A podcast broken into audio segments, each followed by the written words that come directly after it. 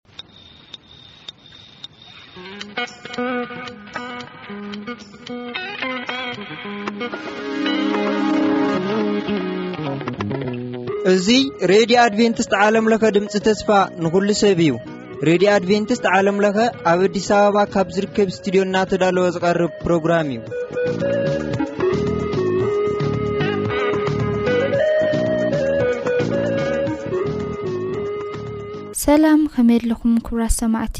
እዚ ኹሉ ግዜ በዚ ሰዓት እዚ እናተዳለወ ዝቐርበልኹም። ቃል እግዚኣብሄር መደብ ህያው ተመክሮ እቶም ቀንዲ እንትኾኑ። ኣብ መንጎ እውን ዝተፈላለዩ ጠዓሚ ዘመታት ኣይሰኣናን ምሳና ፅንሑ ሰናይ ምክትታል።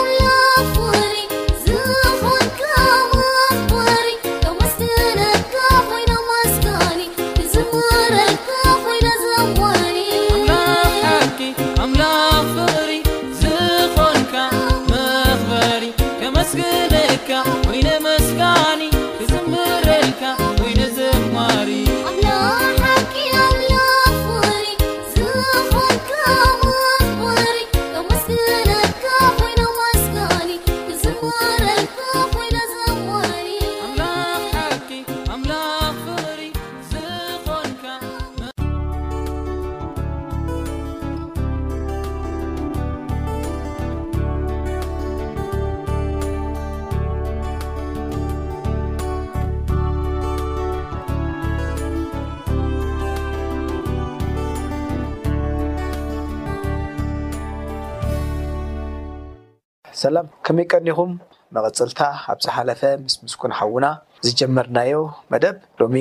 ሒዝናልኩም መጺና ኣሎና። ሎሚ ውን ከም ወትሩ ምሳይ ኣብዚ ምስጉን ረኺብሉ ምሳና ብሓባር ጽንሑ። እዚ ዓቢ ምስክርነት እዩ ዓቢ ምክንያቱ ጸሊካ ኣለካ። ክገርመካ ሳሚ ሓወሲ ኣብቲ እነፍርዮ እነፍርዮ ዕዳጋታት ወላ ፍረ እንተዘይረኺብና ዋጋ ንረክብ ኢና ሕጂ ብጣዕሚ እዩ ክሳይ ድኽውን ሕጂ ኣብ ዕዳጋ ከ ኣነ ልዕሊ ሰበይ እምበር ትሕቲ ሰበይ ሸይጠ ይፈልጥ ካብ ሰበይ ንላዕሊ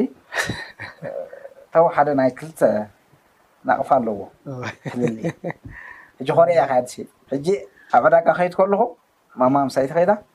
ኣብየል ኣማንኤል ምሳይቲ ኮይዱ ኣቦኻ ምሳይቲ ኮይዱ ሕጂ ምሳይ እሞ ወይ ኪድ ሽጥ ሲለ እሞ ኣይሸጡን ዕዳጋ ከዓ ሶም ከዓ ክሳይ ትኾነሎም ጫርጫር ክፍሉ እዮም ዝዕሩ ናተይ ካብ መኪና ካይወረደ ከሎ እዩ ዝወስደን ሓደ ኣብቲ ዕዳጋ ሽቅጥ እየ ድሓር ኣብኡ ውሽጢ ቤዱራ ኣብቲ ስራሕ ኣብ ዘይብለ ግዜ ሲ የብል እየ ብብዝሒ ስለ ዝኾነ እምበር ዋላ በዓለይ እውን ኣቢለ ይሸጦ እዩ ሕጂ ክህበን ከለኹ ንብረተይ ጽፉፍ እዩ ዋጋ ጥራይ ኣሳምሞ ሕጂ ካብታ ጥቃይ ዘለዉ ክልተ እንተ ዘይዱ ንዕኡ እየ ንደሊ ኣብዚኣስ ክንሲ ኣለ ካብ ኣክስ ኣየ ንብለ ህዋይ ይብለ እዎ ካብ ኣገስ ሕጂ እንታይ ኣሎ ኣብቲ ሕወላ ሕርሻ ክትገብሮ ክሓረሰይ ክትገብሮ ክለኻ ክትመልኦ ክለኻ ሓዋዊስካ ከድነ ጥዑዩን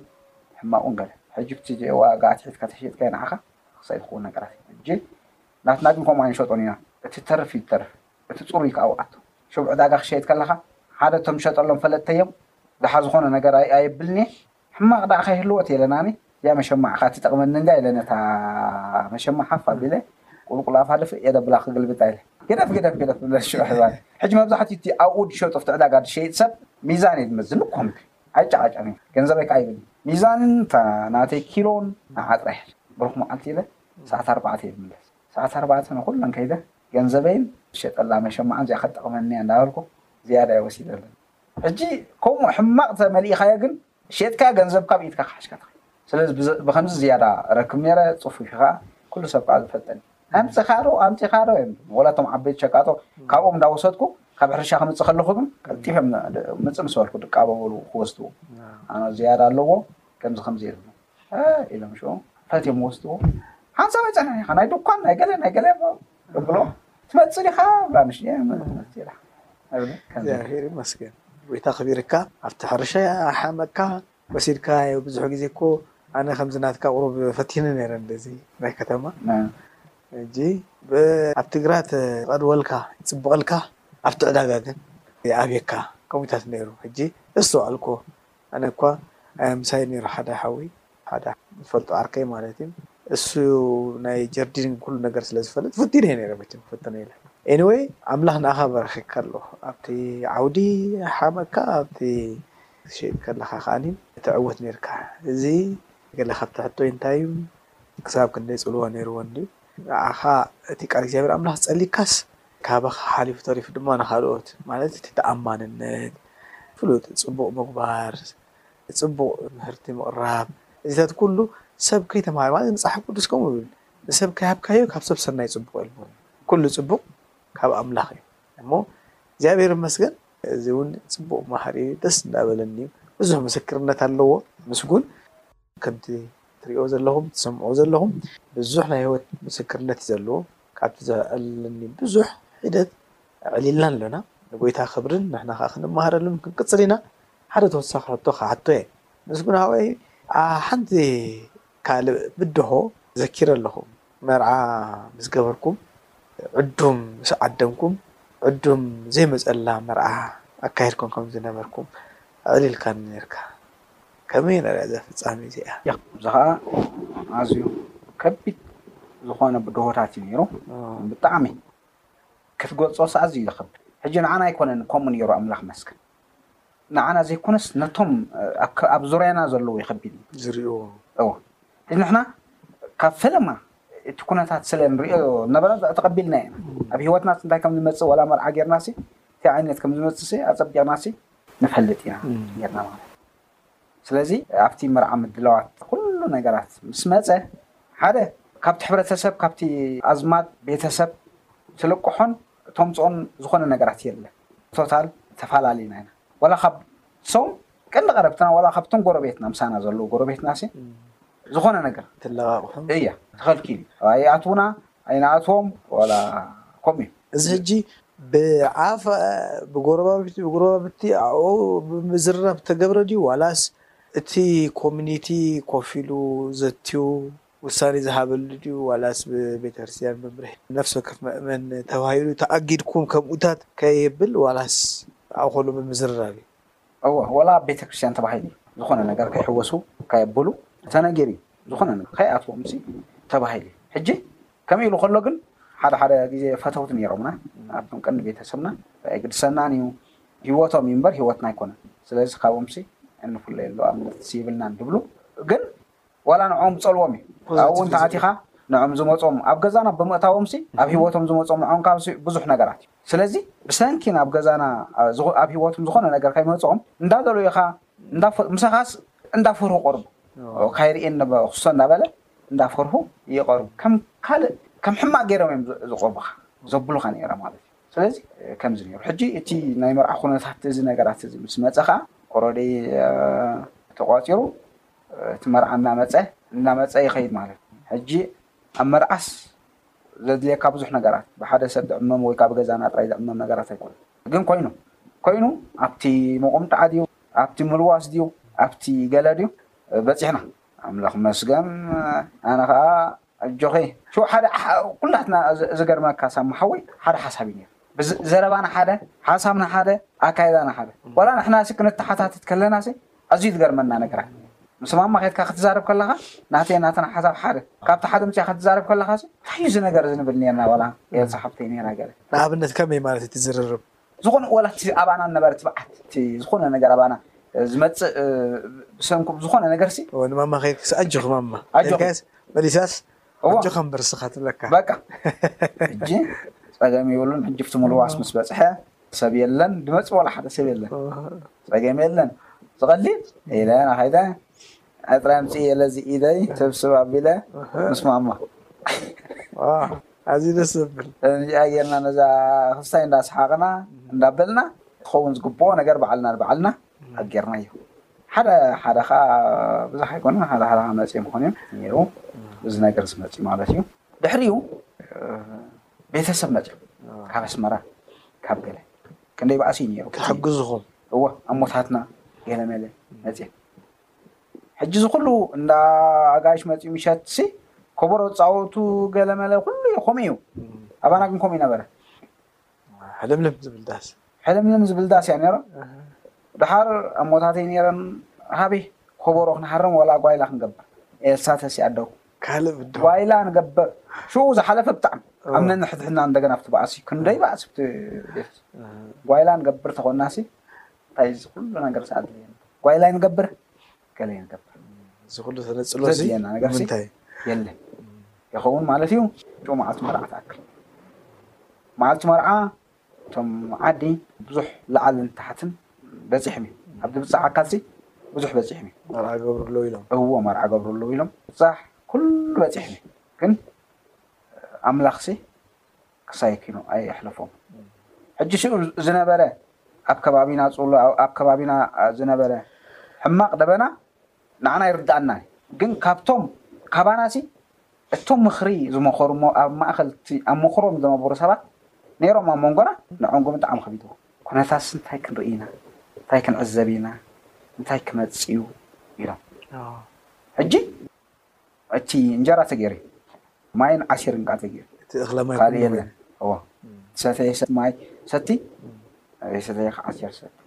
እዚኦም ናይ ሞስሊም እንዳልካ ሰቲ ዓሲር ግን ተ- ሰብ ይመጽእ ኢልኩም ተስፋ ጌርኩም ነርኩም ዶ ዋእ ኣይበልናን ግን እቲ ክንገብሮ ዝግባኣና ነገር ጌርና ዓዲ ምልእቲ ጸዊዕና ሕጂ ብትያ ሞንጎ ናይ ዓደ ኮይኖም እቶም ካህናት ኣብ ጎዝኦም ድከደ ከምዚኣ ኢሎም ነቶም ሰብ ገለ ክብጎሱ ድሓሰቡ ዓጊቶም ወላ ሓደ ከይመጸ ሕጂ ሓደ ሓደ እቶም ቀንደ ቤተሰብ ዒሕ እንዳበሉ ምሳና ድውዓሉ ኔሮም ሕጂ እቲ ኣይንበልዕን ኢና ምእንቲ ከይብሉ ከኣ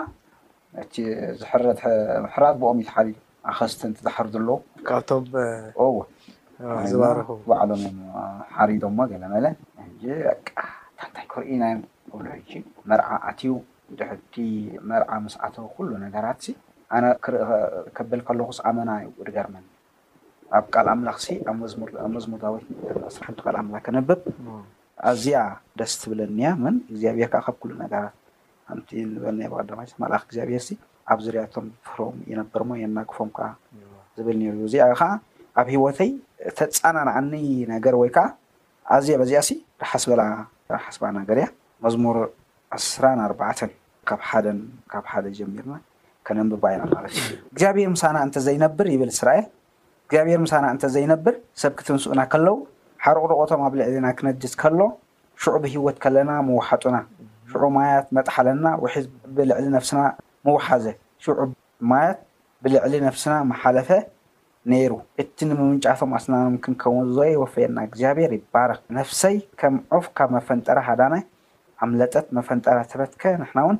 ኣምለጥና ረዲኤትና ብስም እቲ ሰማይን ምድርን ዝገበረ እግዚኣብሄር እዩ። እዛ ጥቅሲ እዚኣ ካብቲ ኣብ ሂወተይ ከቢድ ነገር እዩ ንሶም ሓሲቦሞ ዝነበሩሲ መርዓ ክኣትዉ እሞ ካልእ ነገር እዮም ሓሲቦም ኔሮም ኣብ ልዕሊኣ ሓደጋ እዮም ክወጥቁ ሓሳቦም ኔሩ ማለት እዩ ግን ብምንታይ እዩ ኣይተኻወነን ወላ ካብ ልኡኻት ካብ ፖሊስ መጽዮም ዝርእዩ ዝነበሩ ሰባት ዝዕዘቡ ዝነበሩ ሰባት ኔሮም ካብ ዝተፈላለየ ዓድታት መጽዮም እዚ ነገር እዚ ምስ ኮነ ካብ መገዲ ዝተሞቱ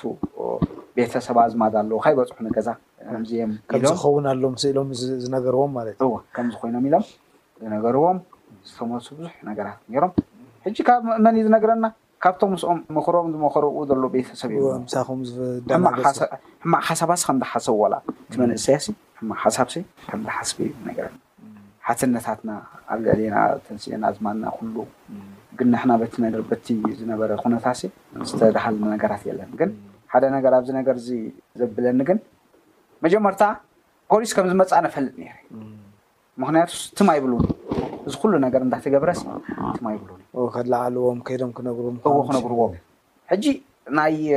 ወላ ስጋዕ ሕጂ ዘተሓሳስበኒ ሕጂ ኣብ ገዛና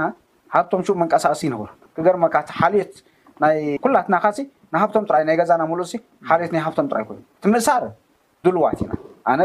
ብነብሰይ በታ ሽዓቲኣ ፖሊስ ከም ዝመጹ ከም ዝሕዙና ከም ዝወስዱና ፍሉጥ እዩ ወላ ስድራ ብሙሉእና ማለት እዚ ተዳልዩ ድሉዋት ኢና መጺኦም ፖሊስ ወሲዶምናሲ ከምዚ ሓድሽ ንዓና ዝኾነና ነገራታት ክንርስዕ ኣይኮነን ተዳሊናሉ ኢና ከም ድመጹ ከም ድፍጸም ከኣ ንፈልጥ ኢና ሕጂ እንታይ ይብል ኔረሲ ብዛዕባ ብዛዕባ ሓልዮተይሲ ብዛዕባ ሃፍቶም ኔሩ ሃፍቶም መንቀሳቀሲ ይነበሮንሲ ንዑ ደኣ ካይወስድዎ እምበር ኢልናሲ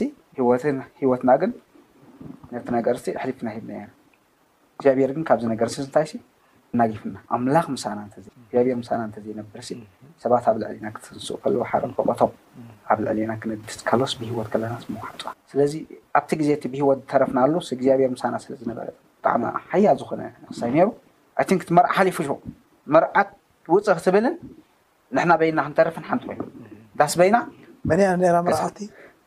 መብራቕ እያ ነይራ። መብራቕ እያ ነይራ። ናይ መራ- ናይ መብራቕ ናይ መርዓውቲ። መብራቕ በቃ ጭውጭው ኢላ ሰብ የብላ ገለ የብላ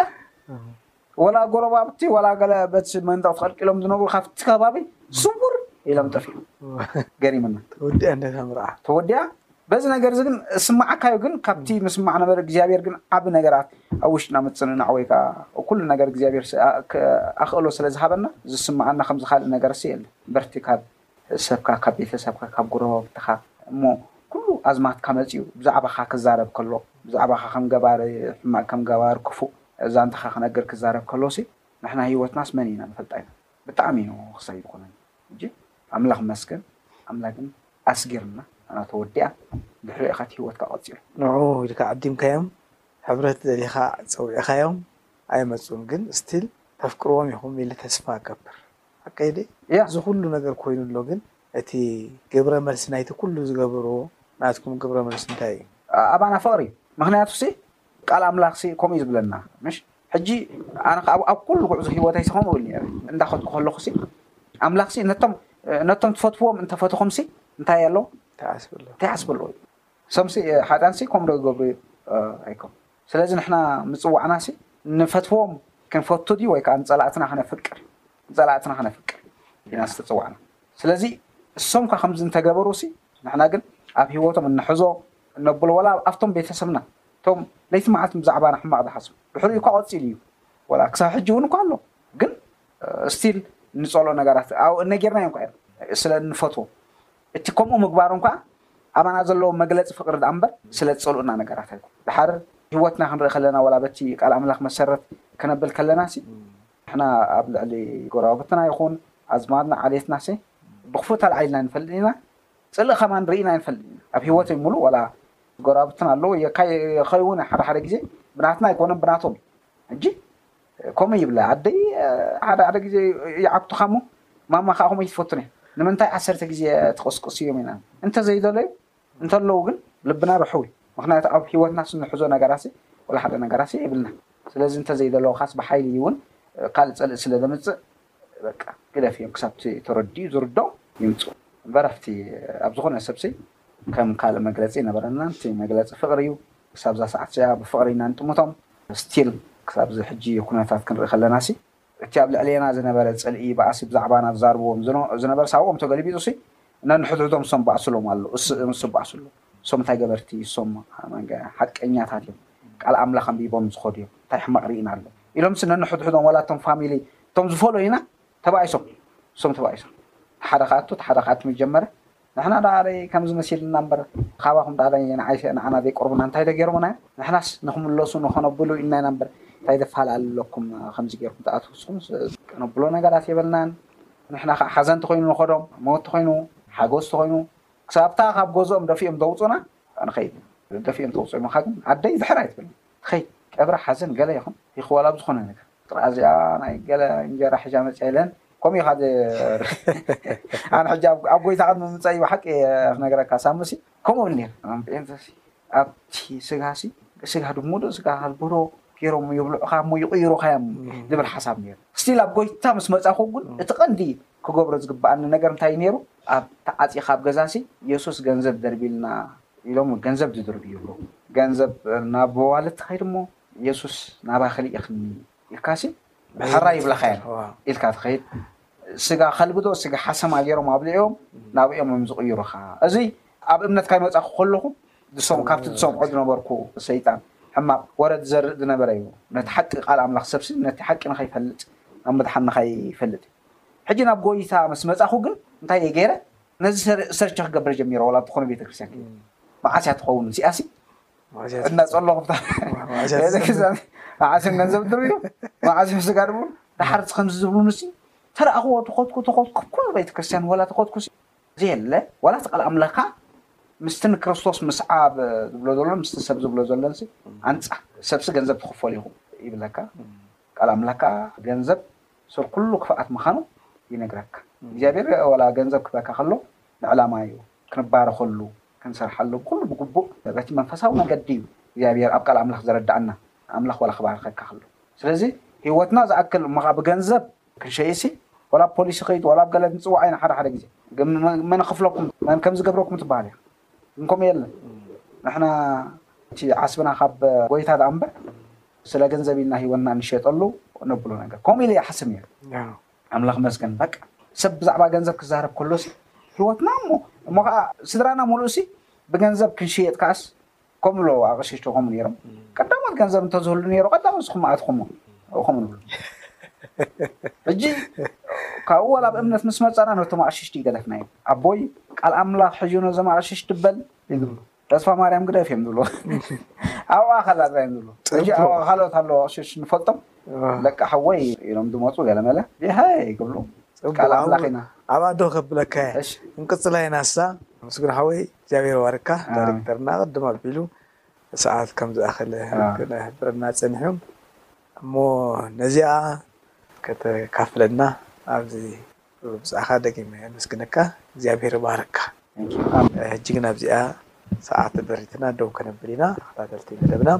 ምሳና ክሳብ ሕጂ ስለ ዝጸናሕኩም እግዚኣብሄር ይባርኩም እምበኣር ከምዚ ዝረኣኹሞ ግዜ ደሪትና እዚ መበል ሳልሳይ ክፋል ኣብዚ ደው ከነብሎ ተገዲድና ኣለና